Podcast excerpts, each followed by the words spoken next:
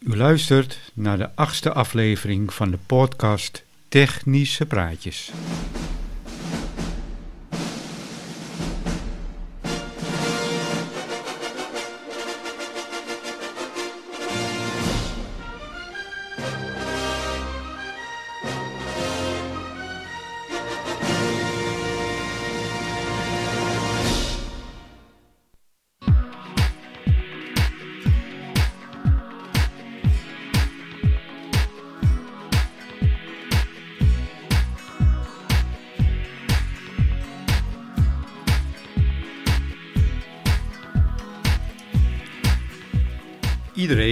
Eh, wel iets met films. Maar hoe zit het dan met de techniek? Om die film zo realistisch mogelijk in de huiskamer of thuisbioscoop af te spelen. Wat is het verschil tussen Dolby Digital en DTS? Wanneer is Dolby Surround uitgevonden? Deze vragen worden met veel passie beantwoord door onze gast, filmliefhebber en kenner bij uitstek, Vincent de Boer. En ik kan nog eens een keer uh, heel leuk vertellen ook. Dit is de achtste podcast van Technische Praatjes en die noemen wij dan ook Back to the Future.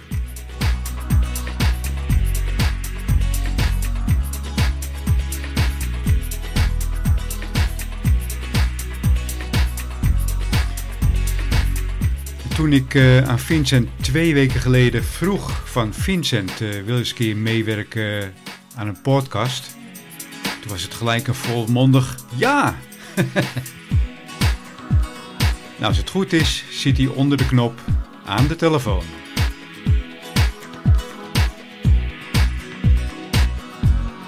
Vincent, goede, goedemiddag. Goedemiddag joh.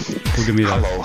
Hey, leuk, leuk dat je er bent in de podcast. Uh, ja. ja ik, ik, ik, heb je eens een keer horen vertellen over... Uh, over Dolby en over uh, filmformaten en over het ontstaan van uh, uh, bepaalde films. Nou, dat, was, dat vond ik zo geweldig. Dus ik dacht, ja, Vincent, die moet ik uitnodigen. ja, oké, okay, leuk. Hey, Vincent, um, ja. waar komt die fascinatie vandaan voor, voor, voor die films? Voor, bij, voor, mij, ja? bij mij komt eigenlijk die fascinatie voor films eigenlijk al vandaan vanaf de begin jaren 70 toen ik geïnteresseerd werd in filmmuziek. Ah. En vooral filmmuziek is hetgene geweest wat mij gedreven heeft tot filmverzameling. En daarnaast had je op de televisie voor het eerst een filmquiz. De oudere mensen zullen het nog wel kennen. Voor een briefkaart op de eerste rang. Ja, inderdaad. Ja. Ja. En toen mocht je het eerst kreeg je filmvragen. En dat was, dat was helemaal fascinerend. En toen begon ik ook al geleidelijk aan steeds meer en meer rond te kijken. Want als je filmmuziek luistert, ja, dan wil je ook weten waar die film over gaat. Nou, we leefden in de tijd nog zonder internet en al het gebeuren. Dus ja, je moest filmtijdschriften gaan zoeken. Uh, filmboeken gaan zoeken, desnoods tweedehands, om te proberen erachter te komen waar die film precies over ging. Ja. En zo is die fascinatie ontstaan. Ik ben eigenlijk wel benieuwd uh, uit hoeveel uh, films jouw, jouw, huidige verzameling bestaat. Hoe, mijn huidige collectie is, Ja. is behoorlijk groot. Ik heb Ja. helaas wel mijn laserdisc weggedaan, Ja. want het was gewoon geen ruimte meer. Maar ik zit nu zo rond de 5000 uh, titels op Blu-ray en ruim 900 titels, uh, bijna 1000 titels op uh, 4K Ultra HD Blu-ray. En ik heb nog ruim 800 dvd's liggen. Geweldig, geweldig. Dus die zijn ook nog niet weg. Want er zijn nog steeds, jammer genoeg, nog steeds niet alle films van DVD uitgebracht op, uh, op Blu-ray. Om in ieder geval een betere beeldkwaliteit te kunnen krijgen. Dus uh, ja, ik toch, toch dvd's blijven houden. Oké, okay, maar kunnen ze dat op een of andere manier ook uh, digitaliseren, het beeld? Nou ja, dat is natuurlijk de, de hele, hele verhaal dat het geweest ja. rond film. Film is natuurlijk altijd in de bioscoop op een veel hoger niveau uitgebracht. En Ja. eigenlijk bestond een huiskamerformaat bestond er niet. Uh, in de jaren uh, 50, 60 en ja, misschien ook zelfs eerder. De 16 mm films. En echte filmverzamelaars toen de tijd, ja, die Ja. konden toen 16 mm kopies krijgen van zo'n film.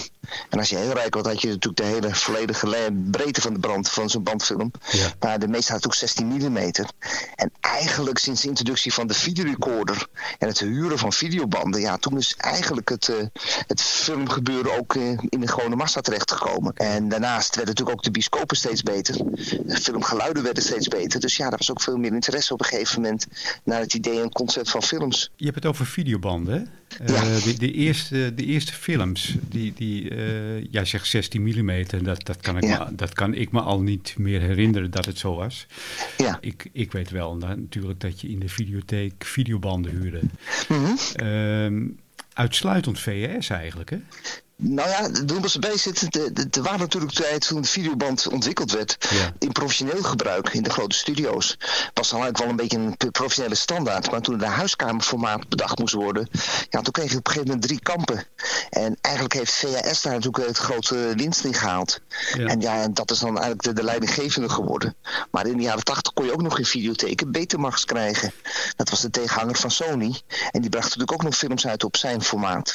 Alleen uh, Video 2000 het derde formaat, die door Philips in Nederland toen ontwikkeld was, ja, daar zie je eigenlijk bijna nooit echt films op ons uh, opkomen. Nee, nee. Dus die heeft het eigenlijk, eigenlijk nooit uh, gehaald. Die, die heeft de slag uh, totaal verloren, zeg maar. Ja, ja. ja. Hey, de eerste videorecorder voor, voor huiskamergebruik. Volgens mij was dat 1972 Philips, hè?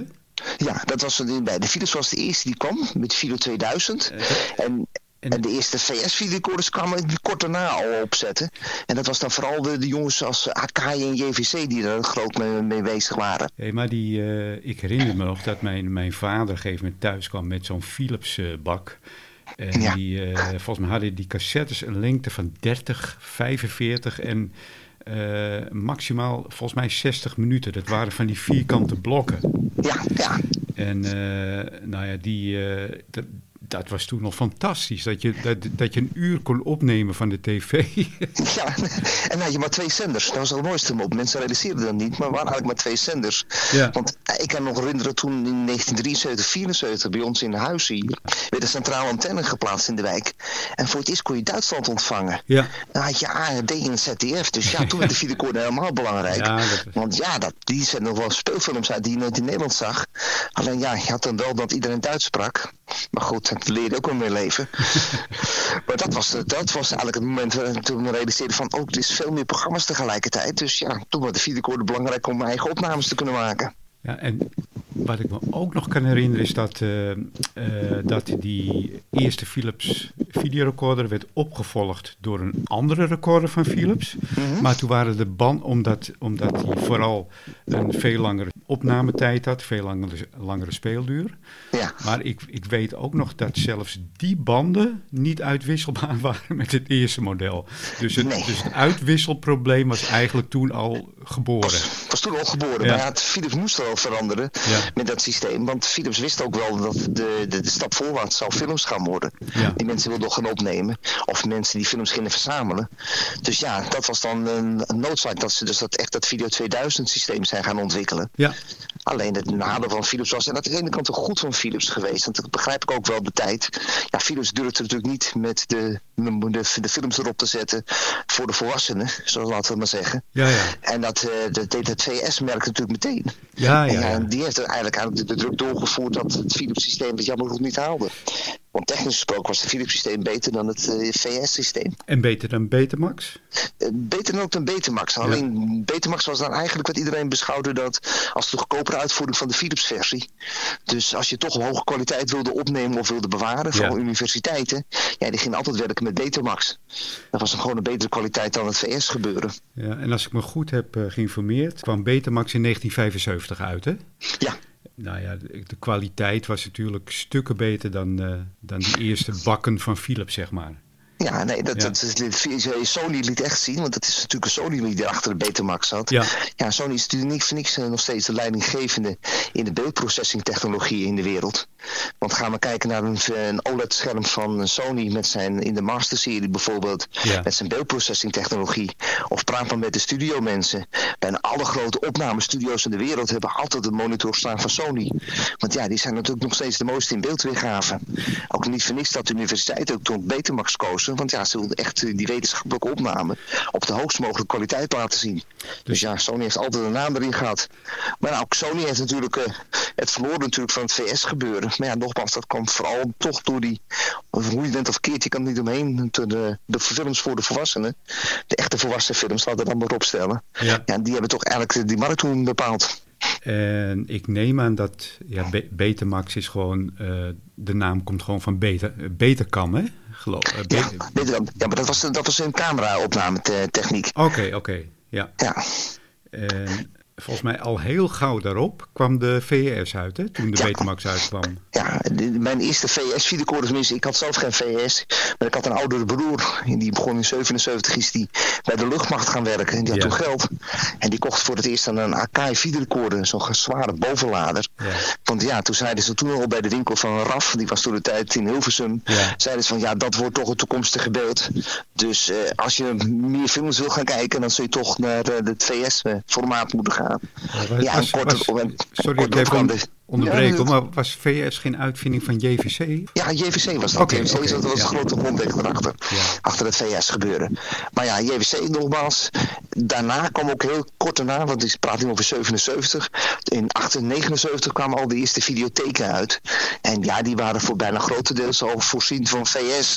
Want ja, de grote studio's en ook in Amerika hadden VS toch meer en meer uh, als uh, belangrijkste formaat gekozen.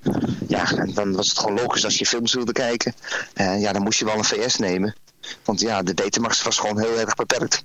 Ja, volgens mij kwam het uh, grote succes van VS ook omdat alle patenten vrij waren gegeven. Dat, dat, dat elk merk die VS-banden kon maken. Ja, nou, dat was wij. Ze hebben het heel groot bij JVC goed aangepakt. Ze hebben niet in eigen huis allemaal willen houden. Iedereen mocht het produceren. En JVC had toen ook heel veel ondermerken. Zoals uh, Saba en dat soort jongens. Oh ja? En die maakten het ook, uh, het waren allemaal JVC-toestellen. En dan zoals Akai had uh, protocollen aan boord zitten van JVC. Ja. Want JVC realiseert heel snel dat als je de markt wil pakken, dan moet je zo open mogelijk zijn naar iedereen toe. Want ja, dan krijg je natuurlijk dat het systeem gaat draaien. En ja, nogmaals, uh, de patenten, dat is de JFC gewoon in eigen huis. En dat tilt de JFC wel vast. En daar hebben ze goed aan verdiend. Ja, inderdaad. Die, die VS, dat werd gewoon de standaard wereldwijd. Ja. Um, en in 1980 of 79 kwam daarna Philips met ze, inderdaad, waar we het net al over hadden gehad, de Video 2000 uit. Ja, dat was toen met hun standaard eigenlijk. Ja, en eigenlijk, eigenlijk, was te laat. En eigenlijk moesten ze samen met, uh, met Grundig, meen ik, de concurrentie met Betamax en VS aangaan. Ja. Maar goed, dat is dus niet helemaal gelukt. Nee, nee, dat was ook stil ten einde. Want ook in die periode begon ook echt de videotheek al op te komen. En dat was natuurlijk sensationeel. Want je moet nog steeds voorstellen, de tv-zenders waren natuurlijk beperkt. We leven nu in de tijd dat we honderden zenders hebben. Maar toen de tijd had je eigenlijk gewoon Nederland 1 en 2. En je had zo'n straatantenne en dan had je dus eh, in je buurt Duitsland, uh, ARD en de ZDF. En misschien kwam België erbij, maar dat was het ongeveer. Ja. Dus ja, je moest sowieso als je avond entertainment wilde. En vergeet ook niet, televisieuitzendingen hielden op om 11 uur s avonds. Klopt. Ja. Dat is ook iets wat we niet realiseerden. S'nachts, als je op zaterdagavond een beetje film wilde kijken, ja, dan was je toegang geweest tot de videotheek. Ja. En er waren natuurlijk ook heel veel piratenzenders die nog in de jaren tachtig optraden. Ja, want ja, want dat was natuurlijk ook een, eh, een motor. Die haalde de videotheek de films. En die gingen het illegaal dan uitzenden na 11 uur, want het was toch nog wel eens omroep lag plat. En die maakte gebruik van die vrijheid dan. Ja, dat was uh, ja, de grote markt. Wat is eigenlijk Super VS? Nou, Super VS is daarna gekomen omdat men toch, eh, vooral in de huiskamer eh, eigen opnames, betere kwaliteit opnames wilde maken. En dat betekende toch dat je meer beeldlijnen moest gaan brengen. Eh, VS is natuurlijk een beperkt beperkte beeldlijn. Die zit op 250 beeldlijnen. Televisie was in uitzending 320 beeldlijnen. Dus eh, ja, als jij met vakantie en familie ging eh, filmen, dan wil je toch de beste kwaliteit. En dus was het logisch dat ze naar die meer beeldlijnen gingen gaan. En dat was gauw 4,5 half 100 tegen de 500 beeldlijnen. En dat was super VS. Ja. En de VS wist ook wel dat ze moesten veranderen. Want er was ook laserdisc aan het ontstaan begin jaren 80. Uh, eh, de laserdisc platen, laservision begon op te komen. Ja. En laservision, ja, die liet wel zien dat de ontwikkeling niet stilstond. Uh, eh, laservision was dan vooral niet voor het beeld, maar vooral voor het geluid beter. Dan kom je terug bij ons weer. We houden natuurlijk van geluid. Maar ja, dat was ook een teken aan de wand dat ze moesten veranderen. En dat ze moesten vooruit gaan. Dus ja, het was handig. En ik ben ook blij ervoor hoor. Dat ze die ontwikkeling ingezet hebben. Want ja, dat heeft alleen maar geleid tot betere beeld- en geluidsweergave voor thuis. Ja. En ja, dat maakt de hobby alleen maar leuker. Uh, maar eigenlijk dacht ik persoonlijk dat het, uh, zeg maar het geheim van Super VS, dat het alleen zat in het scheiden van licht en kleur. Uh, nou, dat, dat, was, dat was onderdeel ervan, maar ook het, okay. belangrijkste was toch lijnopbouw hoor. Dus er konden meer lijnen erin plaatsen. Ja, ja. Ik had nog een oude Supervers videocamera. Nou, als je dan met vakantie ging, dan heb je Supervers mee, want ja, dan bleef nog veel meer intact. Zeker als je thuis ging editen, bleef er nog veel meer informatie intact over dan normaal. Dus ja, ja dat was Supervers interessant. Ja, wat, wat destijds natuurlijk ook, ook belangrijk was, dat, dat waren de uh, hi-fi stereo recorders. Hè? Ja. En het, uh, het grappige vond ik dat bijvoorbeeld longplay uh, eigenlijk niets uithaalde voor, voor de kwaliteit van geluid. Dus je, je, je, kon al tien uur muziek opnemen, bij wijze van spreken, in hi-fi stereo. En dat was natuurlijk ook uniek in die tijd. Ja, maar dat was, dat was het fascinerende. Dat was op een gegeven moment had je ook zoals een trend. Dat realiseerde dan bijna niet meer. Maar begin jaren tachtig was het ook dat mensen zeiden... als je muziek wilde opnemen, niet een cassettebandje gebruiken... maar gebruik een videoband. Dan krijg je veel betere kwaliteit geluid erop. En er zat veel meer bandbreedte op. Op zo'n videotape dan op een cassette. En dat op een gegeven moment was ook een trend om muziek op te nemen op je videoband. Ja. En dat was wat je zegt, die uh, high stereo. Want ik kan me nog herinneren. Mijn eerste high stereo videocore die was de eerste ter wereld van Panasonic. Het was, die praten over 82, uh, nee 84 was dat. Ja. Toen zat ik in Duitsland een militaire dienst. En, ja, en toen kon je die videorecorder krijgen voor het eerst van Panasonic. Die kostte iets van 5000 gulden in Zo. Nederland. Maar die was belastingvrij natuurlijk bij de militaire diensten 2000 gulden. Dus ja, ik heb toen, toen ook mijn vakantiegeld opzij geschoven. en wat salaris. Want dat wil ik hebben. En die maakte ook voor het eerst mogelijk, en dat was natuurlijk ook fascinerend, het Hive Stereo, om daar een surround van te maken. Want in 1985 had ik mijn eerste videoband, eh, die dan ook, wat hij dus eh, Hive Stereo was, ook Dolby Surround aan boord had. Ja, dat was natuurlijk helemaal fascinerend leuk. Ja, precies. Dat was eigenlijk ook een van mijn volgende vragen. Wanneer begon de videoband met het uh, inmengen van Dolby Surround? Ja, dat, was rond, dat moest rond 85 zijn geweest, of ja. eerder zelfs al. Ja, want surround, het verhaal surround natuurlijk, dat is natuurlijk wat iedereen nu tegenwoordig over heeft. Precies. Ja, surround is al heel lang aanwezig. De eerste echte surroundfilm zelfs is van 1939.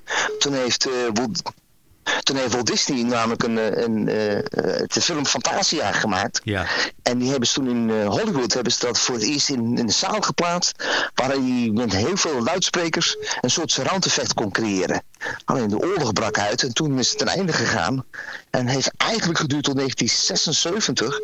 Totdat Dolby in, uh, begon zelf weer te ontwikkelen, begon surround.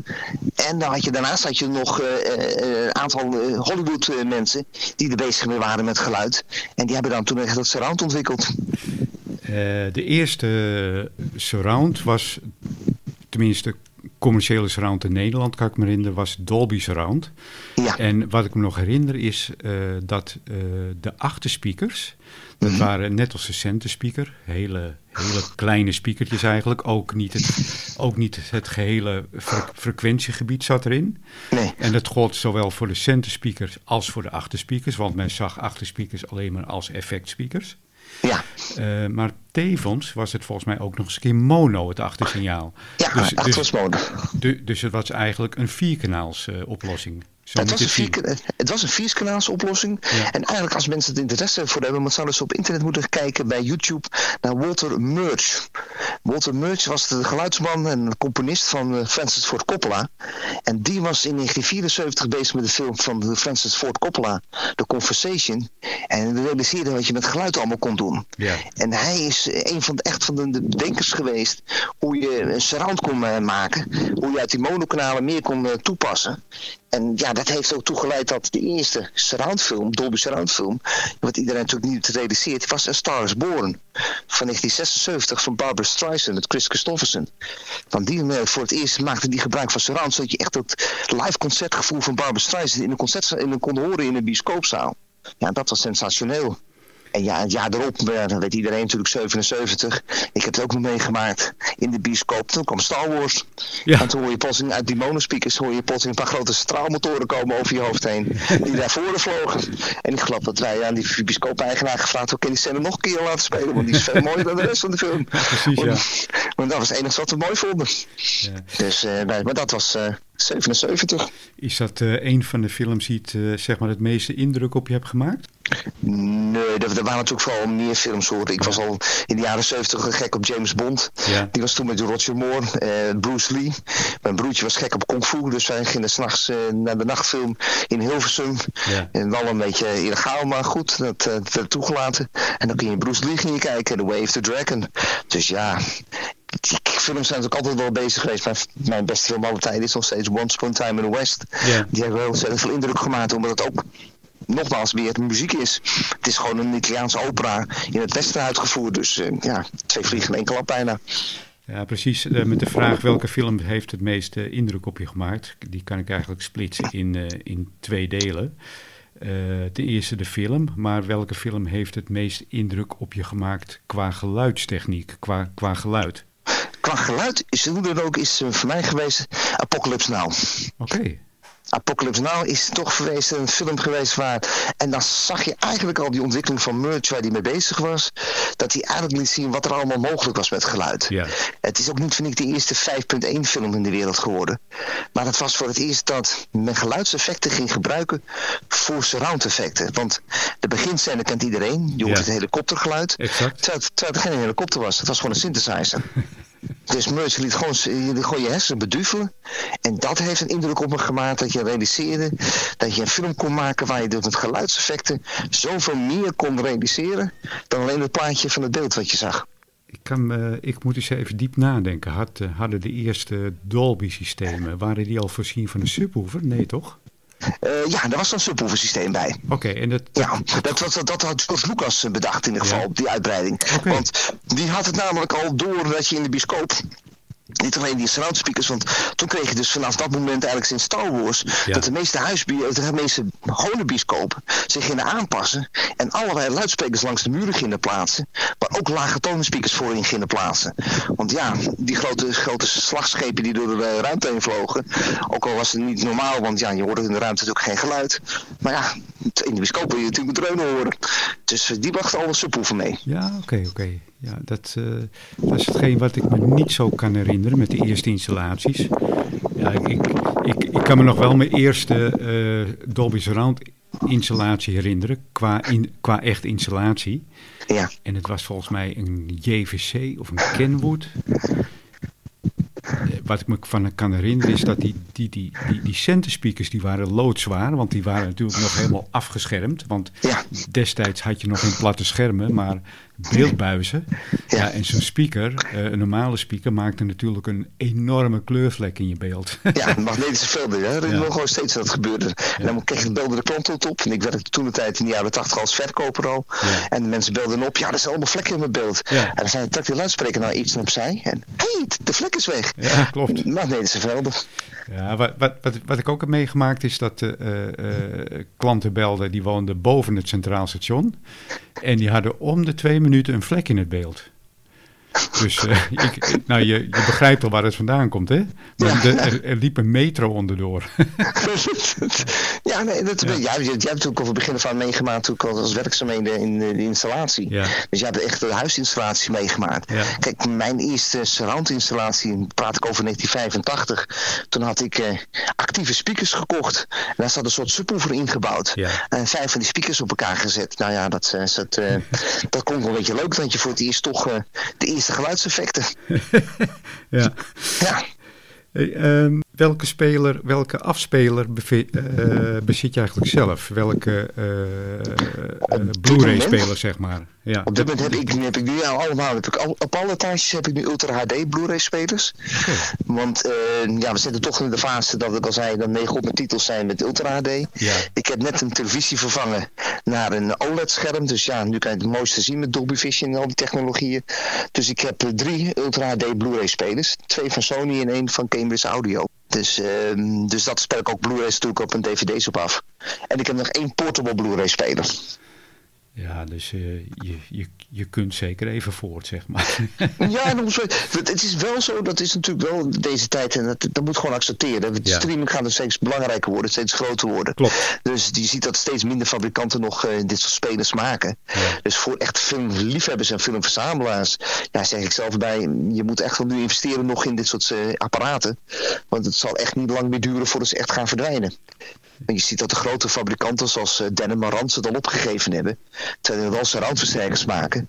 En je ziet dat steeds meer en meer winkels uh, ook uh, surround echt als een, ja, iets bijzonders beschouwen. Niet meer als iets in huistuin en keuken gebruiken. Heb je, heb je trouwens zelf een abonnement op Netflix? Uh, nee, ik heb geen abonnement op Netflix. Nog geen enkel abonnement. Dat is niet de nadeel van Netflix hoor. Want nee. het is nogmaals, het is een fantastische series wat ze maken. Ja. Maar ja, nogmaals erbij zit, het probleem is als je filmliefhebber bent zoals ik ben. Niet alleen dat ik het leuk vind het verzamelen.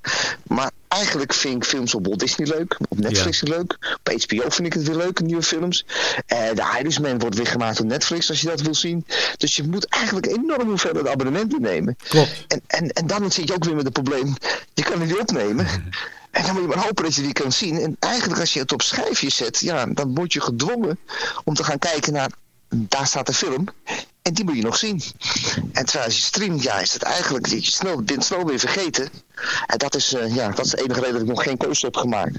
Want ja, het vliegt om je oren met de abonnementen zometeen. Ja, en het, is misschien net als bij een, uh, een plaat, dat... Uh als je zo'n uh, DVD of Blu-ray in handen hebt met het hoesje, dat is ook weer een stukje emotie natuurlijk. Ja, en, ja. En, de, en het mis je bij streaming, denk ik. Ja, ja dat, dat, is, ja. streaming is natuurlijk net, als, het is net zoals met muziek natuurlijk. Het is allemaal makkelijker maken.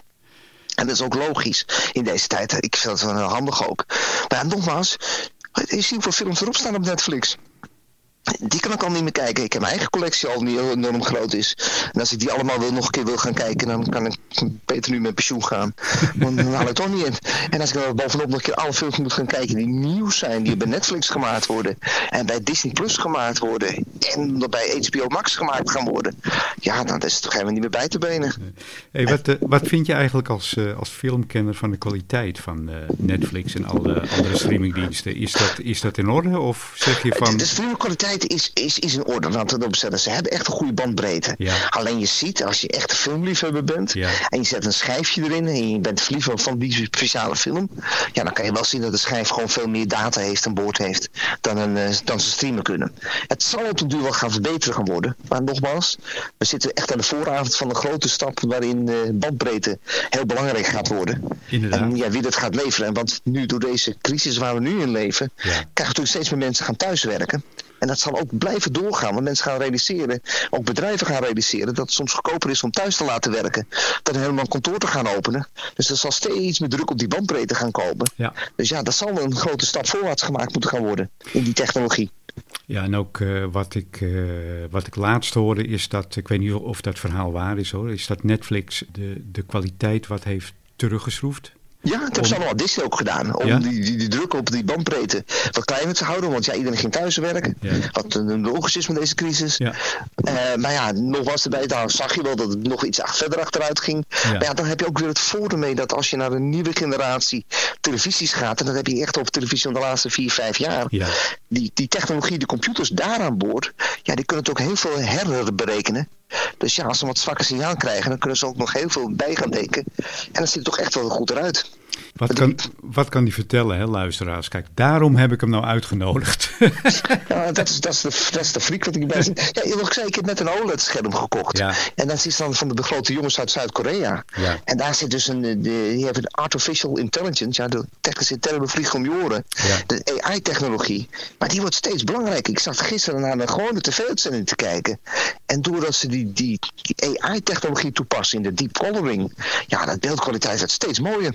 Je zag gewoon echt dat die tv-opname steeds beter werd. Dus ja, wat nu nieuwe televisies kunnen doen met bestaande tv-uitzendingen, Ja. van zoals lagere kwaliteit, ja, dat is uh, angstaanjagend goed. En, uh, en wat denk je zelf over 8K-televisies? Heeft, dat, uh, heeft het al zin? 8K, iedereen zal natuurlijk gaan klagen, er is geen uitzendingen van 8K.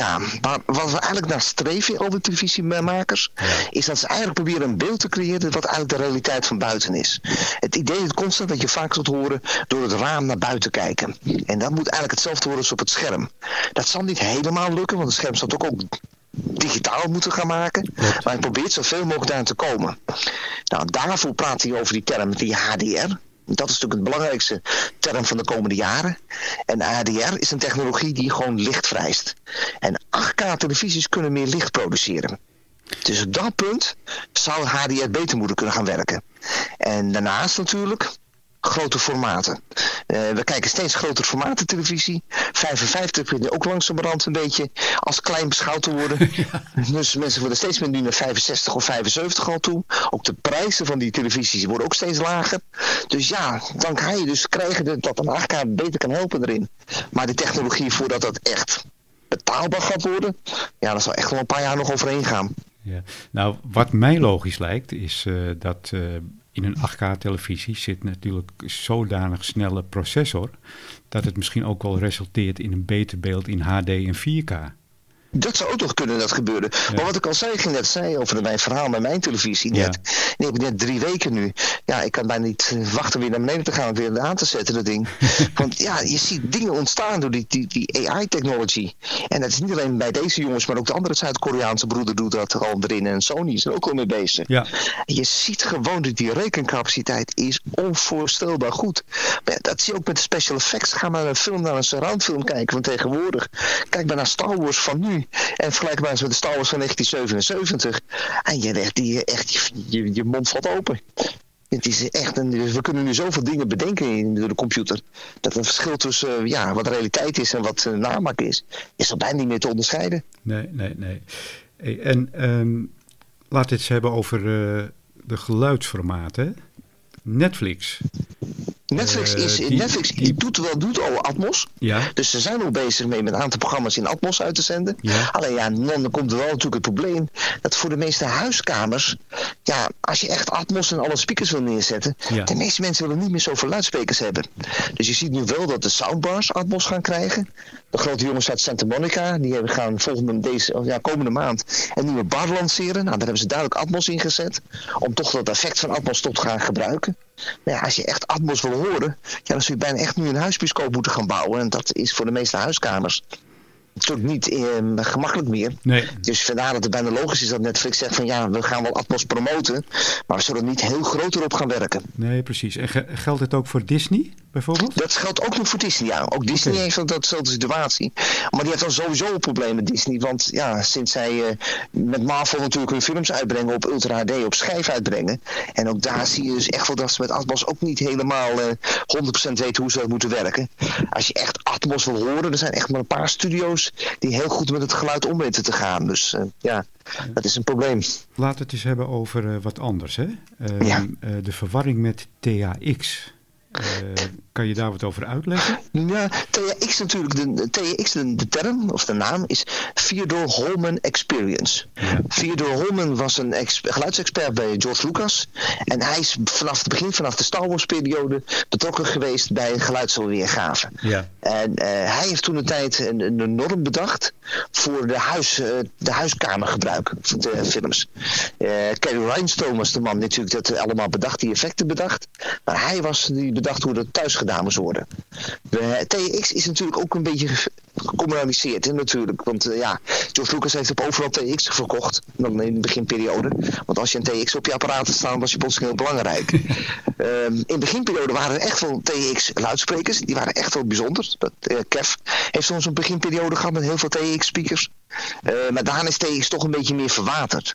TX kom je nou eens nog steeds tegen, want iedereen realiseert zich niet. Maar Odyssey, de technologie die bij Denon en Marantz toegepast wordt en nog een aantal fabrikanten voor uh, je camera op te meten, is gewoon gebaseerd op Theodore Holman. Dus dat is nog steeds de, van, hun, uh, van zijn bedrijf is dat. Dus ja, DX is, is eigenlijk... Uh, het is niet meer zo belangrijk, wat dat zo vooropstellen, als het vroeger was. Maar het heeft nog steeds wel voor de, de oude vandaag, zoals ik ben, die echt filmverzamelaar is, is het toch best leuk om weer uh, oude apparatuur soms een zolder te halen, waar ook echt de Dolby, waar ook TX toegepast werd. Naast de Dolby Surround. Oké, okay, en... Um wat ik, wat ik laatst tegenkwam is, ik weet niet of, of, of jou dat wat zegt hoor, Odyssey DSX. Ken je dat? Ja. Ja? Odyssey DT, bij zit een DTX is, uh, is natuurlijk een DTS. Ja. En Odyssey DTX is een, daarop gebaseerd, zoals ik weet, de technologie. Ik heb nog niet alle informatie erover. Maar uh, ook die jongens zijn natuurlijk bezig met, met concurrentie. Want ze krijgen natuurlijk steeds meer en meer ja, microfoonsystemen. Ja, ze dat wel weten als installateur. Ja. Hoeveel microfoonsystemen er nu al niet zijn. waar we steeds beter de kamer kunnen berekenen. Dus het is bijna logisch dat ze ook zouden komen met een antwoord hierop. Nou, fantastisch joh, dat je, dat je dit allemaal uh, kon vertellen in deze podcast. Ik, uh, ik, ik, ik zit hier letterlijk met mijn oren te klapperen, wat je, wat je er allemaal over kan vertellen, wat je er allemaal over weet. ja, ik, uh, ja het is een ontzettend leuk item voor de, voor de luisteraars, denk ik. Ik hoop het ook. Ja, als voor filmliefhebbers. Ja, ik hoop gewoon dat er meer ook wel filmliefhebbers in Nederland zullen zijn. Ja. Die echt zeggen van ja, het lijkt me gewoon leuk nog films te verzamelen. Want ja, we krijgen ook wel een situatie. We spraken even bij het begin over censurering. Ja, het is nu net weer Disney Plus is begonnen om een film uit de jaren tachtig. Maar ja, dat is nog niet zo lang geleden. Omdat daar één scène in was van een lieftallige actrice met de blote billen zichtbaar was. Ja, ja. Plotseling naar haar even langer digitaal te gaan maken, zodat het nu plotseling weg is. En dan denk ik bij mezelf, die film ken ik. Want ja, ik heb die film meegemaakt. Ik heb de première meegemaakt. Ik heb hem op videoband gehad. Ik heb hem op, de, DVD gehad. En dan ben ik fan van die film en dan ga ik hem streamen. En dan, huh? Wat is die rare scène? nou, nou, dan geeft het ook wel te kennen, dat vind ik weer een nadeel van streaming.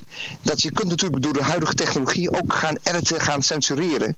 Ja. Waardoor plotseling voor filmliefhebbers, plotseling films ja, belangrijk worden. Als ze nu nog zijn, koop ze op schijf. Want ja, de kans is heel groot dat als je het ooit op streaming ziet, is de kans dat het grote deel van de film weggeknipt zal worden. Omdat het niet meer voldoet aan de, de huidige stand van uh, zaken, hoe we tegenover dingen aankijken. Wat ik ook een hele leuke techniek vind, is het inkleuren van oude zwart, uh, zwart-wit opnames. ja, maar ja. dat is uh, natuurlijk fascinerend. Ja. Het kan heel goed. Ja. Kijk, wat heeft Peter Jackson gedaan heeft natuurlijk met de film die hij gemaakt heeft over de Eerste Wereldoorlog. Waar hij echt hem heeft laten zien dat hij bezig geweest om de kleuren echt origineel te proberen te houden. Dus het kan echt heel mooi werken. Maar er zijn voorbeelden van. De bekendste is de Longest Day. Waardoor als je hem eenmaal kleur maakt, dat je één keer merkt dat die, de landing op het strand in één keer door vier mensen. In plaats van in het zwart-wit een beetje vaag was en toch een beetje honderd mensen leken. Ja, ja, ja, en de kleur bleek dat je vier mensen zo op het strand zou rennen. en dan denk ik bij mezelf, ja, nou ik ook niet meer te zien die film. Daar komt geen pas meer van. Ik beter eens even Private Ryan gaan kijken in kleur, want daar werden echt wel duizend man op het strand gestuurd. En dat, dat zie je dus, de inkleuren van film kan leuk zijn, maar het kan ook heel raar werken. Ja. Uh, voor uh, oude filmpjes, zeker voor de, de, films die in de, echt uit de geschiedenis komen. Laura Hardy bijvoorbeeld, hè? Laura Hardy kan, kan, het, kan het tegen werken, want niemand realiseerde dat Stan Bolo had rood haar. Nee, precies. En, en de, realisatie dat iemand net als Bassinadi dan ook rood haar had, ja. Ja, dat zijn bijvoorbeeld ook net echt rood haar had. Dus ja, en als je dan kijkt soms naar die filmpjes die ze nu uh, in musea's restaureren. Van de, de eerste Lumière broeders films. Ja, en dan een kleur neerzetten. En dan ook dus de snelheid weer aanpakken. Ja, ja dan, dan, voor ons gevoel wordt het ook steeds mooier daardoor. En ook toegankelijker tot die tijd. Want ja, tot nu toe was het natuurlijk altijd dit soort filmpjes zwart-wit. Hokkelige, stotterige beeldweergave. Ja. Hoort en stotend de beeldweergave. En dan had je altijd het gevoel van ja, dat is, dat is te veel ver verleden. Maar nu zie je plotseling mensen lopen in gewoon normale kleuren. Met de kleding die ja, misschien uit de tijd is. Maar de lucht is blauw, de zon schijnt. En eindelijk zie je in één keer van verrek. Ja, het is voor het eerst dat de films nu veel, ja, veel meer bij je thuis kunnen komen ja. dan, uh, dan vroeger in het zwart-wit. Dus ja, inkleuren kan helpen, maar het kan ook helemaal verkeerd gaan. Ja, precies. Het is niet altijd uh, een, een, een, een, Nee, een, en, er zijn ook, en er zijn natuurlijk ook regisseurs natuurlijk, met cameramensen die ook echt een zwart-wit willen maken. Die film is echt gemaakt in zwart-wit. En dat hebben ze expres, expres gedaan om daardoor de contrastverschillen beter te creëren. Ja. Om daar meer emotie uit het gezicht te halen. En als je dan een kleur ziet, dan denk je van frek. Nou, ik mis wat. En dan zit er blijkbaar wel dat die acteurs ook uh, geattenteerd waren op het feit, die acteurs en actrices. Dit is zwart-wit. Dus we, aan de, we verwachten een andere kijk van jouw gezicht voor de opnames. En nou ja, als je dat kleur dan gaat kijken, dan denk je van, hm, klopt helemaal. Nee. Dus uh, nogmaals, het, het, is leuk, maar het is niet altijd uh, ideaal. Nou, dat is uh, interessant om, uh, om dat zo uh, te beluisteren. Daar heb ik zelf eigenlijk nog nooit over nagedacht. Maar het geeft dus wel speciale effecten, zwa ja. zwart-wit opname. Ja, absoluut. En ehm, laten we het tenslotte nog eens hebben over de geluidsformaten.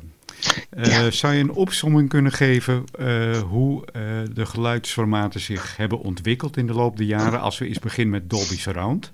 Ja, Dolby Surround is, is natuurlijk in 76 begonnen. Ja. Dolby Surround was natuurlijk voor de bioscoop al interessant.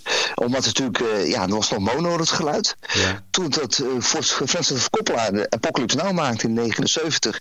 En toen voor het eerst echt 5.1 surround ging maken. Ja. Toen werd het pas belangrijk om te gaan kijken hoe ze dat geluid op de filmstrook gingen zetten. Want tot nu toe was er dan wel, de film had een aparte filmstrook en het geluid had een aparte filmstrook. En die moesten dus wel gelijk lopen, door het systeem heen lopen. En dus was het probleem eigenlijk al in de jaren 80, ja, dat moet wel synchroon blijven gaan. Geluidseffecten, geluid zelf en de film, het beeld, moet gelijk gaan lopen. Nou, Dolby is door gaan ontwikkelen tot ze in 92 Dolby Digitaal maakten. En voor het eerst hadden ze dan op één filmstrook hadden ze beeld en geluid. Iedereen was blij en gelukkig. Het ging helemaal synchroon, dat was fantastisch.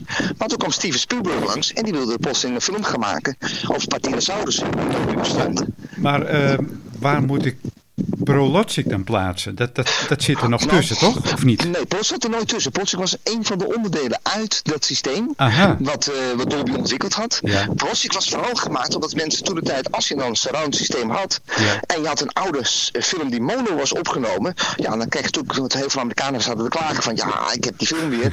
maar ik wil toch, ik heb mijn vijf speakers nu staan. Ik wil mijn vijf speakers gebruiken. En dus maakte Dolby een berekening in de Dolby Prologic technologie. Waarbij ze dus uit dat monosignaal dat gingen verdelen als een monosignaal over meerdere luidsprekers heen. Zodat je toch het gevoel kreeg dat er, een, uh, dat er toch een surround opstelling was.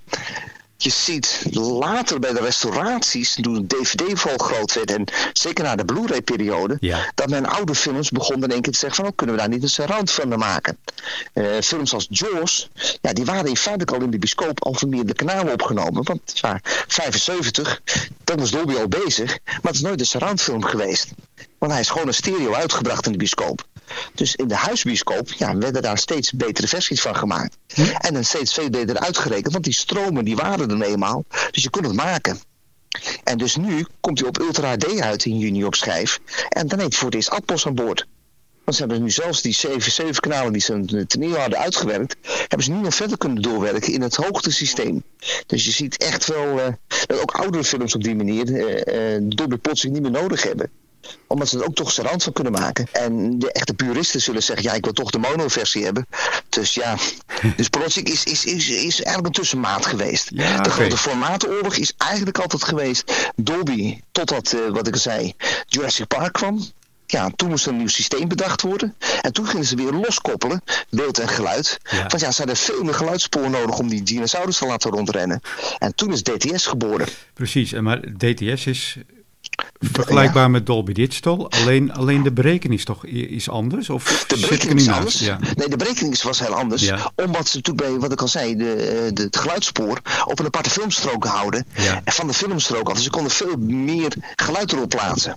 En dat zag je dus in de laserdiscplaten die toen opkwamen. Dat is even de periode geweest natuurlijk wat kan herinneren, tussen de videoband en de DVD, zijn er laserdiscplaten gekomen. En er zijn nog steeds liefhebbers die puur laserdiscplaten verzameld, verzamelen, omdat het geluidkwaliteit op DTS was.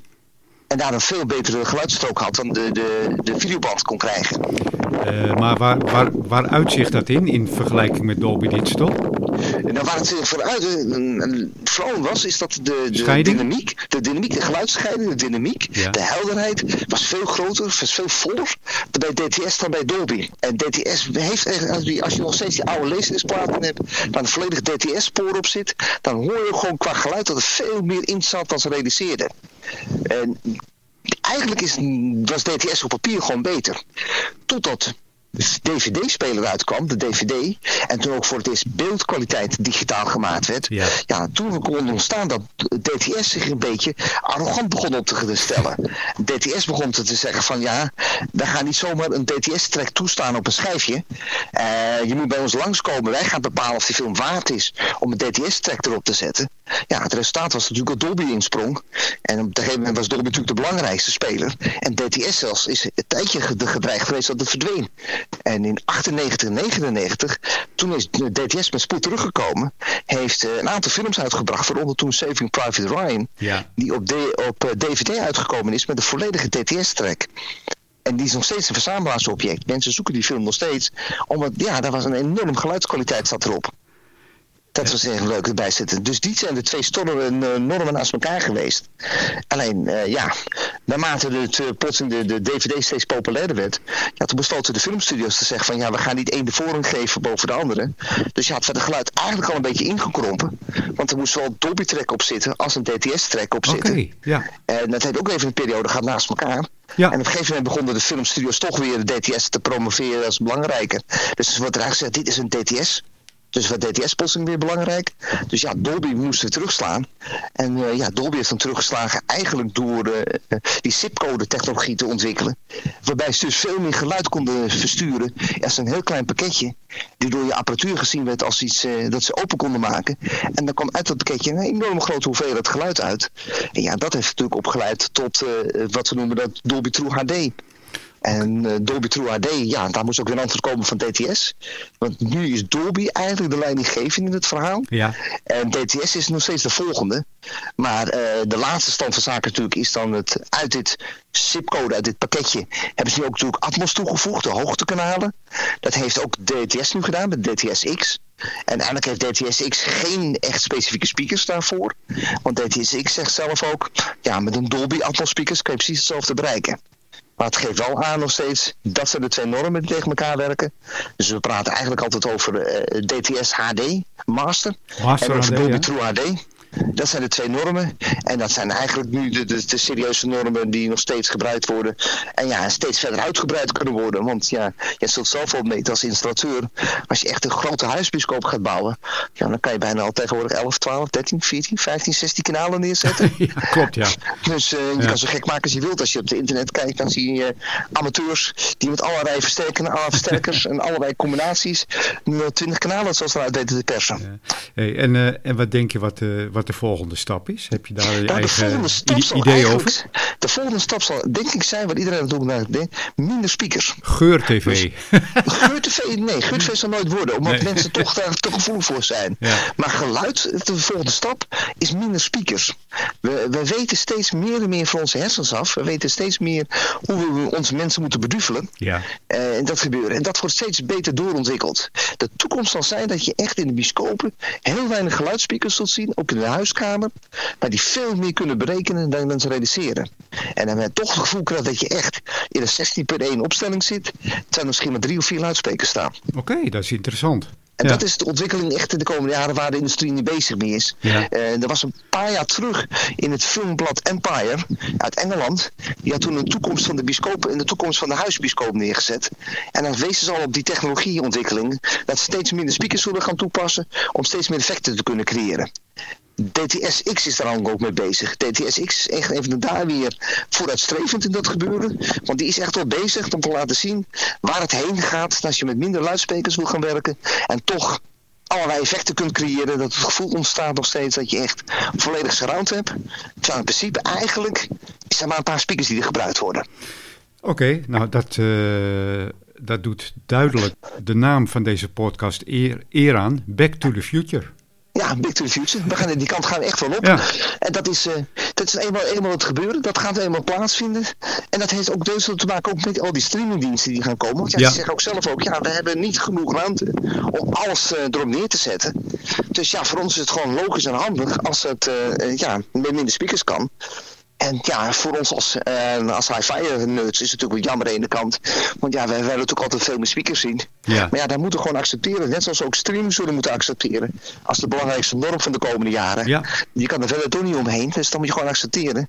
En niet druk erover maken. Maar als je liefhebber bent en de filmstudio zegt dan... we brengen hem nog steeds op schijf uit. En je houdt van die film, je vindt het een prachtige film. Zou ik zeggen, neem hem op schijf. Zeker als je een nieuwe televisie hebt. Want dan eh, kunnen we echt zien hoe mooi zo'n film eruit kan zien. En eh, voordat ze hem helemaal gaan censureren op het eh, internet... heb jij in ieder geval thuis nog in de juiste stand van zaken. Dus eh, verzameling is nog steeds leuk. Dus, en dat wil ook zeggen van, koop even een extra Blu-ray speler. Ja, en ons erbij zit ook nu de laatste generatie. Kijk, gelukkig de PlayStation 5 gaat er komen. ja, ja, ja. En ja. dat is natuurlijk echt mooi. En PlayStation 5 heeft aangegeven dat een Ultra HD-speler aan boord zit. Kijk, En ja. dus dat is ook de redding geweest toen, voor de, toen de tijd voor de Blu-ray verhaal. Ja. Want laten we niet opstellen, PlayStation 4, eh, 4 is natuurlijk de, of de 3 sorry moet ik zeggen, want 4 had het niet eens. Maar PlayStation 3 was natuurlijk de redding voor Blu-ray. Want ja, dat was de eerste betaalbare Blu-ray-speler. Iedereen ging gamen al. Dus ja, je had er thuis tegelijkertijd uh, een paar maanden gelijk uh, het schijfjesmachine voorhanden. en zo'n lief kon gelijk zijn gamen in toepassen. Ja. Hey, en dat uh, zal met vijf ook gaan gebeuren. Ik bedenk me opeens, hè. We, hebben, we hebben de ene overgeslagen. Nou, er is nog een, een, een Belgische norm, Auro 3D. Dat is daar in de huidige norm nog ja. steeds gesproken. Auro 3D is op papier eigenlijk, technisch gesproken, net zoals Video 2000 was toen de tijd in de videotijdperk, dus dan komen we weer terug ja. naar het begin van onze podcast. De, de superieure systeem, het absoluut betere systeem voor het gebeuren. Deze Belgische uitvinding is geniaal. Alleen ja, het probleem is dat voor ja, huiskamergebruik de hoeveelheid speakers die ze vereisen om het optimaal te doen, ja, zal nooit echt uh, doorgang vinden. En er zijn te weinig films die deze technologie ondersteunen. Dus het wordt wel toegepast in opnamestudio's. Daar werken ze echt wel mee. Bij echt voor huiskamergebruik, ja, ik ouder 3D jammer genoeg niet worden, wat het zou moeten worden. Nee, waar, uh, waar ik eigenlijk op doelde, dat was nou? de CD-video. nou ja, CD-video is natuurlijk ook geweest. Maar dat is natuurlijk ook de situatie. Dat was, dan moet je ook praten over de Laserdisc waar we mee begonnen. Ja, ja. De Laservision van Philips. En Laservision was natuurlijk groot. Dus Philips zag het al in dat de CD hadden ze uitgevonden. Dus zij zagen al in dat je ook de beeld op kon zetten. Ja. Iedereen kent natuurlijk de CDI. Kijk maar op het internet. CDI, YouTube, inderdaad. Ja, die, die, die, die... Het CDI, ja. ik heb nog steeds zo'n speler thuis. Je nog steeds liggen. Oh ja? Dus je kan nog steeds toepassen. Ja. En toen kon je voor het eerst ook je foto's op cd zetten. Dat vergis je ook niet. Dat was de eerste CD-apparaat. Ja. Dus ik heb al mijn foto's op zo'n Kodak foto-CD gezet. En met de boodschap dat de toekomst gericht was. Nou, er is geen speler tegenwoordig die het ding aan kan. Dus, uh, nou, die techniek is ook dus doodgebloed. Maar goed, er zijn ook meer van deze kleine tussenfases geweest. CD is niet zo echt groot geweest natuurlijk in, in dat beeldweergave. JVC heeft ook nog een techniek toegehad. Die in Amerika de hele tijd populair geweest is. Waar bijna niemand van gehoord heeft. En het is? Ja, die naam ik alweer even kwijt. Bij JVC, als we op het internet gaan kijken, JVC is ook nog even terug geweest. Ja. Met, een, uh, met een filmsysteem waar je ook in Amerika films kon kopen. En dat was eigenlijk een tussenliggend tussen de DVD in en de, laserdisc-speler in. Oké. Okay. En die is heel kort heeft hij gehouden. Uh, er zijn nog steeds fanatici in Amerika die nog steeds trots zijn dat ze het hebben staan. Ja. Maar ja, er is geen film voor te krijgen. dus... Uh, dat is met de laserdisc klaar. Er is niks meer voor te krijgen. Maar nee, de laser, bestaan. Dat geldt ook voor de laserdisc natuurlijk. Ja, ja het geldt ja. voor de laserdisc ook. Je moet op een gegeven moment... Nou, ook mijn laserdisc, ja, platen maar op een gegeven moment weggedaan. Ja. Want ja, hoe mooi ook mijn Star Wars box was die erop zat. Die ja. dat gebeurde. Ja, de kans dat je nog draait is klein. Er zijn geen spelers meer te krijgen. dus als of... je laser kapot is, dat je mooi pech gaat. Of je moet dus... natuurlijk alle, alle nopperswinkels af, hè? Ja, ja nou, dan kan het komen we wel eens tegen. Maar ook dat begint nu snel uit op te raken. Ja, precies, ja. De videorecorder zijn ook uh, eigenlijk al verdwenen. Want ja. ja je kan er wel een VS-videorecorder soms in China opduiken. Van Funai en dat soort jongens. Die uh, was via Albi wel zo'n zo laten zien. Maar ja, ook dat is echt de laatste nou, zes, zeven jaar al niet meer tevoorschijn ja, geweest. Ja, dat dus. klopt inderdaad, ja. ja. Dus ik denk dat die echt helemaal weg zijn. Ja. En nou ja, ik heb natuurlijk wel uh, over gehad in een van de vorige podcasts. De cassette komt natuurlijk weer een, uh, is natuurlijk een beetje teruggekomen, maar het wil ja. nog niet helemaal doorzetten.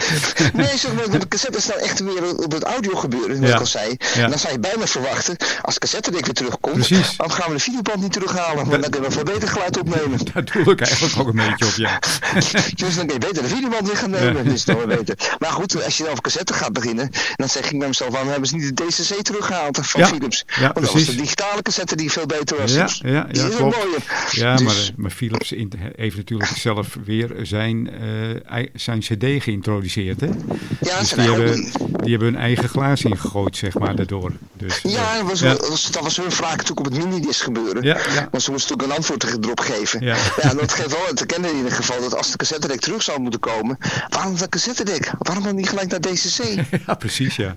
Want als je dan toch een wil gaan, je een een toekomst wil geven, ja. dan ligt het veel meer in de digitale wereld dan in het analoge wereld. Ja. Of de L-cassette. Of de L-cassette, ja. je kan alles nog terughalen op dat gebeuren. Maar de, de, de DCC, ja, dan zou ook, dan gaan mensen gelijk bij sorry, ja, dan kan ik ook de minidisc weer terughalen. Ja, maar daar kan je ook best digitaal mee opnemen.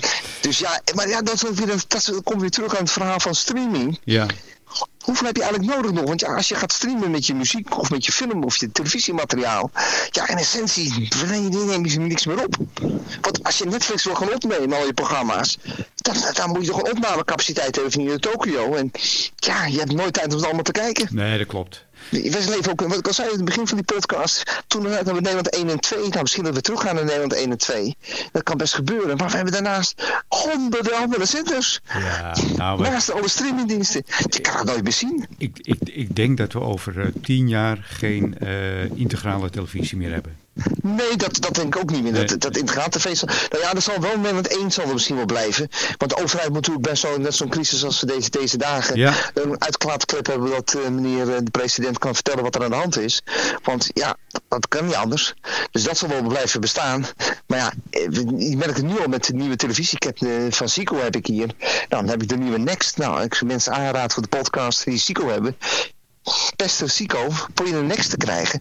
Want het is zoveel makkelijker momenteel om daarmee te werken. Ja, mee Dan eens. welk andere apparaat in dat Ja. gebeuren. Je, je kan programma's kijken wanneer je het eigenlijk wil kijken. Je hoeft niet eens meer op te nemen. Je kan gewoon zeggen, ik, ik, het is zes uur signaal, dus kwart over zes. Druk gewoon zes uur signaal en huppa. Wil je het van begin af aan zien? Dan kan je zo gelijk van begin zien. Ja, dus maar, ja, eh, dat, dat gemak wordt steeds makkelijker om het zelf te bepalen wanneer je uitzendingen wil hebben. maar daar gaat het ook helemaal, helemaal naartoe natuurlijk. Hè? Ja, ja. Absoluut. Ja, k- kijk maar naar de jeugd, die, die, die kijkt geen tv meer. Het is alleen maar Netflix, streaming, eh, YouTube, et cetera. Ja, maar dat is, dat is ook een logische stappen weer dat gebeuren. Ja. Ook, ik ben ook zo verslaafd aan YouTube geraakt. Want ja, er zit ook fantastische leuke informatie zit Ja. erin. kan Mee eens, krijgen. zonder meer, ja. Je, je, je, kan- je kan er niet omheen, het is fantastische weergave. Ja. Maar ja, YouTube is ook een betaalbare vorm om informatie door te geven. Ja, die grote omroepen gewoon geen geld meer hebben om te, te investeren of niet willen investeren meer. Dus ja, En, dat- logisch. en hetzelfde geldt natuurlijk voor eh, waarom is de podcast zo populair? Omdat de mensen dat op afroep kunnen luisteren. Eh, Ja. eh, ben jij onderweg en je wil een, iets, iets gaan luisteren, dan zet je een podcast aan, eh, et, et cetera. Ja, eh, het, nogmaals, je, je tijd voor, je, moet- kan je zelf indelen. Je Ja. hebt meer controle over je eigen tijd. Dat is het. En dat is wat eigenlijk wat mensen tegen deze tijd willen. Ja. Dat het zo druk is. Precies. Omdat we al zoveel te doen hebben. Willen we eigenlijk enigszins controle krijgen over onze privé-tijd. Ja, ja, En dat is eh, wat je nu krijgt door de entertainment ook gaat doen nu. ja, dat is een hele mooie om mee af te sluiten, Vincent. Ja, Oké. het, het gaat, of ja, eh, misschien wil je zelf nog iets eh, hieraan toevoegen. Daar ben je, Nou geheel, ben je geheel vrij in. Ja, dat zeg ik ook eh, met toevoegen. Bij ons erbij zit, alles wat ik kan toevoegen is eigenlijk al een keer verteld in het gebeuren. We gaan veranderen de tijd in, dat is logisch. Ja. Ehm, ik ben zelf nog steeds een filmliefhebber. Ik lees nog steeds filmmagazines. Naast YouTube lees ik ook nog op papierfilms. Dus ja, dat is nog steeds een liefhebbers ervoor. Maar eh, ja, we gaan een heel andere wereld weer tegemoet. Waar we steeds betere films gaan krijgen. En ook betere series gaan krijgen. Want ook Ja. niet, de tv moet niet onderschatten. De- de- je ziet de kwaliteit van series momenteel. Wat daarin eh, gedaan mee wordt. Dat is verbluffend. Ja, dat heeft Dus, wel een, een verschrikkelijke eh, vordering gemaakt, hè, series. Ja, zit geloven. Ja. Want kijk, maar ga maar eens kijken. Die Game of Thrones. Ja. Hoe het verkeerd, is gewoon een bioscoopfilm. Ga maar acht seizoenen achter elkaar maar kijken. Ga maar bintjes, zoals dat een mooi woord heet. Ja, ja. En je kijkt gewoon feitelijk op een groot, mooi, modern scherm. Of een lekker groot 55 of groter of met je beamer. Met Ultra HD. Je krijgt een beeldkwaliteit te zien. Dat is echt eh, bioscoopwaardig. Ja, en dat voor een bedrag per maand, wat nog onder een één bios, bioscoopbezoek zit. Ja, nou dat krijgt tot enorme films in dat gebeuren en series die allemaal op hoog niveau gedaan worden. Walt Ja. Disney, Disney Plus, moet ik eerlijk eh, be- bekennen. Ja, die zendt heel veel uit nu op Ultra HD eh, van hun films en series. Ja. ja, dat geeft echt wel te kennen aan eh, de kant gaat op dat je echt maximaal beeld gaat krijgen. Ja, jammer genoeg hebben we nu corona even, waardoor het plotseling niet mogelijk is om alle tv-zendingen in deze hoge beeldkwaliteit uit te zenden. Nee. Want ja, we hadden allemaal uitgekeken natuurlijk naar de Formule 1 op Zandvoort in Ultra HD. En naar de EK voetbal. Ja. En naar de Olympische Spelen Olympische in het Spelen, Ultra ja. HD. Ze allemaal in Ultra HD worden uitgezonden. Dus ja, we gaan ervan uit dat volgend jaar als er weer eh, alles gaat beginnen. Dat het, dat het echt wel in die hoge kwaliteit gedaan gaat worden. Ja, Dus dan wordt het ook echt interessant voor mensen om te zeggen van oké, mijn televisie is 6, 7 jaar oud. Prachtige televisie.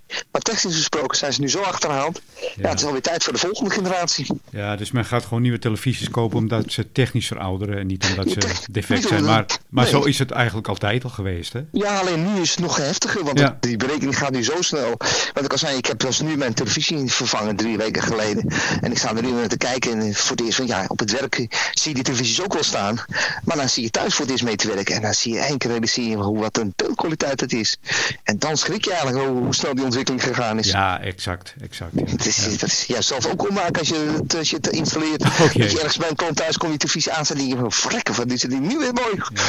Ja, Ja, dat is die- nou. Die, die momenten heb ik wel hoor. Ja, nog steeds. Ja. Dat gebeurt ik. Was laatst nog zo'n kant met jou toe geweest, een installatie met een huisbioscoop. Ja. Dat je naar binnen komt met een beamer en dan zie je de scherms aan en denk je, oh wauw, die wil ik ook graag hebben. maar die beamers zijn nog een beetje duur, dus ja, Ja, dan maar grote televisie Ja. kopen. Ja, hoe, Ja. Hoe, hoe kijk je daar tegenaan? eh, tegen, laatste vraag dan even. Ja. Eh, beamers. Eh, Ja. Beamers worden steeds mooier en dat gebeuren voor. Noem eens bezig, we, zitten, we praten over huiskamers. Ja. Dat is het belangrijkste. En in de huiskamer, een grote televisie is fantastisch. Maar ja, ga maar een 75 inch neerzetten. Je moet wel een heel liefhebbende vrouw hebben die dat wel accepteert dat je een 75 inch kan neerzetten. Ja. Dat is gewoon niet te doen. Dus een beamer kan nog steeds fantastisch werken. Als je naast de televisieuitzending toch op eh sporten wil zien of het, eh, een mooie film wil zien in het hoge beeldkwaliteit, dat je een beamer gaat gebruiken. Ja. Dus dat is, dat is dan echt iets waarom de beamer nog steeds populair zal zijn. En met de huidige, en dan komt het weer, de huidige Precies. digitale technologie, de ontwikkeling, de rekensommen. Ik weet waar je kunnen, naartoe ze gaat. dus nu, kunnen ze nu simpele beamers maken die eigenlijk al 4K beeld kunnen weergeven. Terwijl technisch gesproken geen 4K beeld is. Nee. Maar toch, de beeldkwaliteit ziet eruit als 4K. Ja. En dat is nu betaalbaar. Dus ja, voor de liefhebbers dan die volgend jaar toch de Formule 1 wil gaan kijken in die hoge kwaliteit. De EK voetbal en de Olympische Spelen. Ja, kan het best wel leuk zijn dat je een beamertje nog daarnaast gebruikt. Ja. Want ja, een 75 inch scherm is nou helemaal een groot object in je kamer. Ja, de, de- het, het valt me op dat het de laatste tijd ook eh, veelal NN is, hè? En een tv en een Ja. beamer. Ja, Ja. en als dat, dan koop ze gewoon een 55 voor het scherm. Want dat is een groot exact. formaat voor de huiskamer. En voor die enkele keer dat je sport of een mooi film wil kijken. Op zaterdagavond kan je de beamer even aanzetten. ja, ja, ja. Oké, Vincent.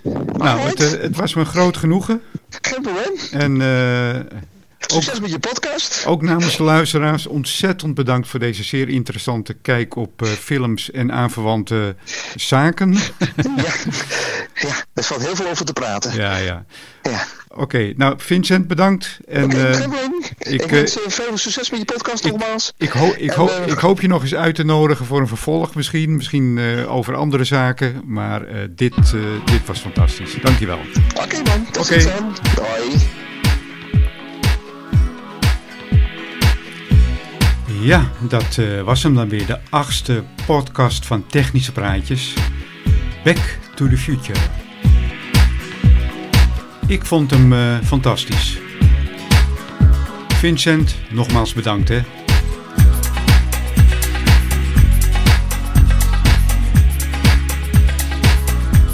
Dan eh, rest mij nog om u te vertellen dat de begin- en eindtune is afkomstig van audionautics.com.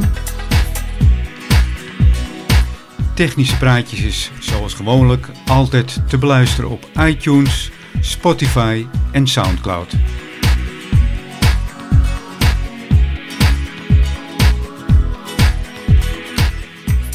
Heeft u eh, vragen, reacties?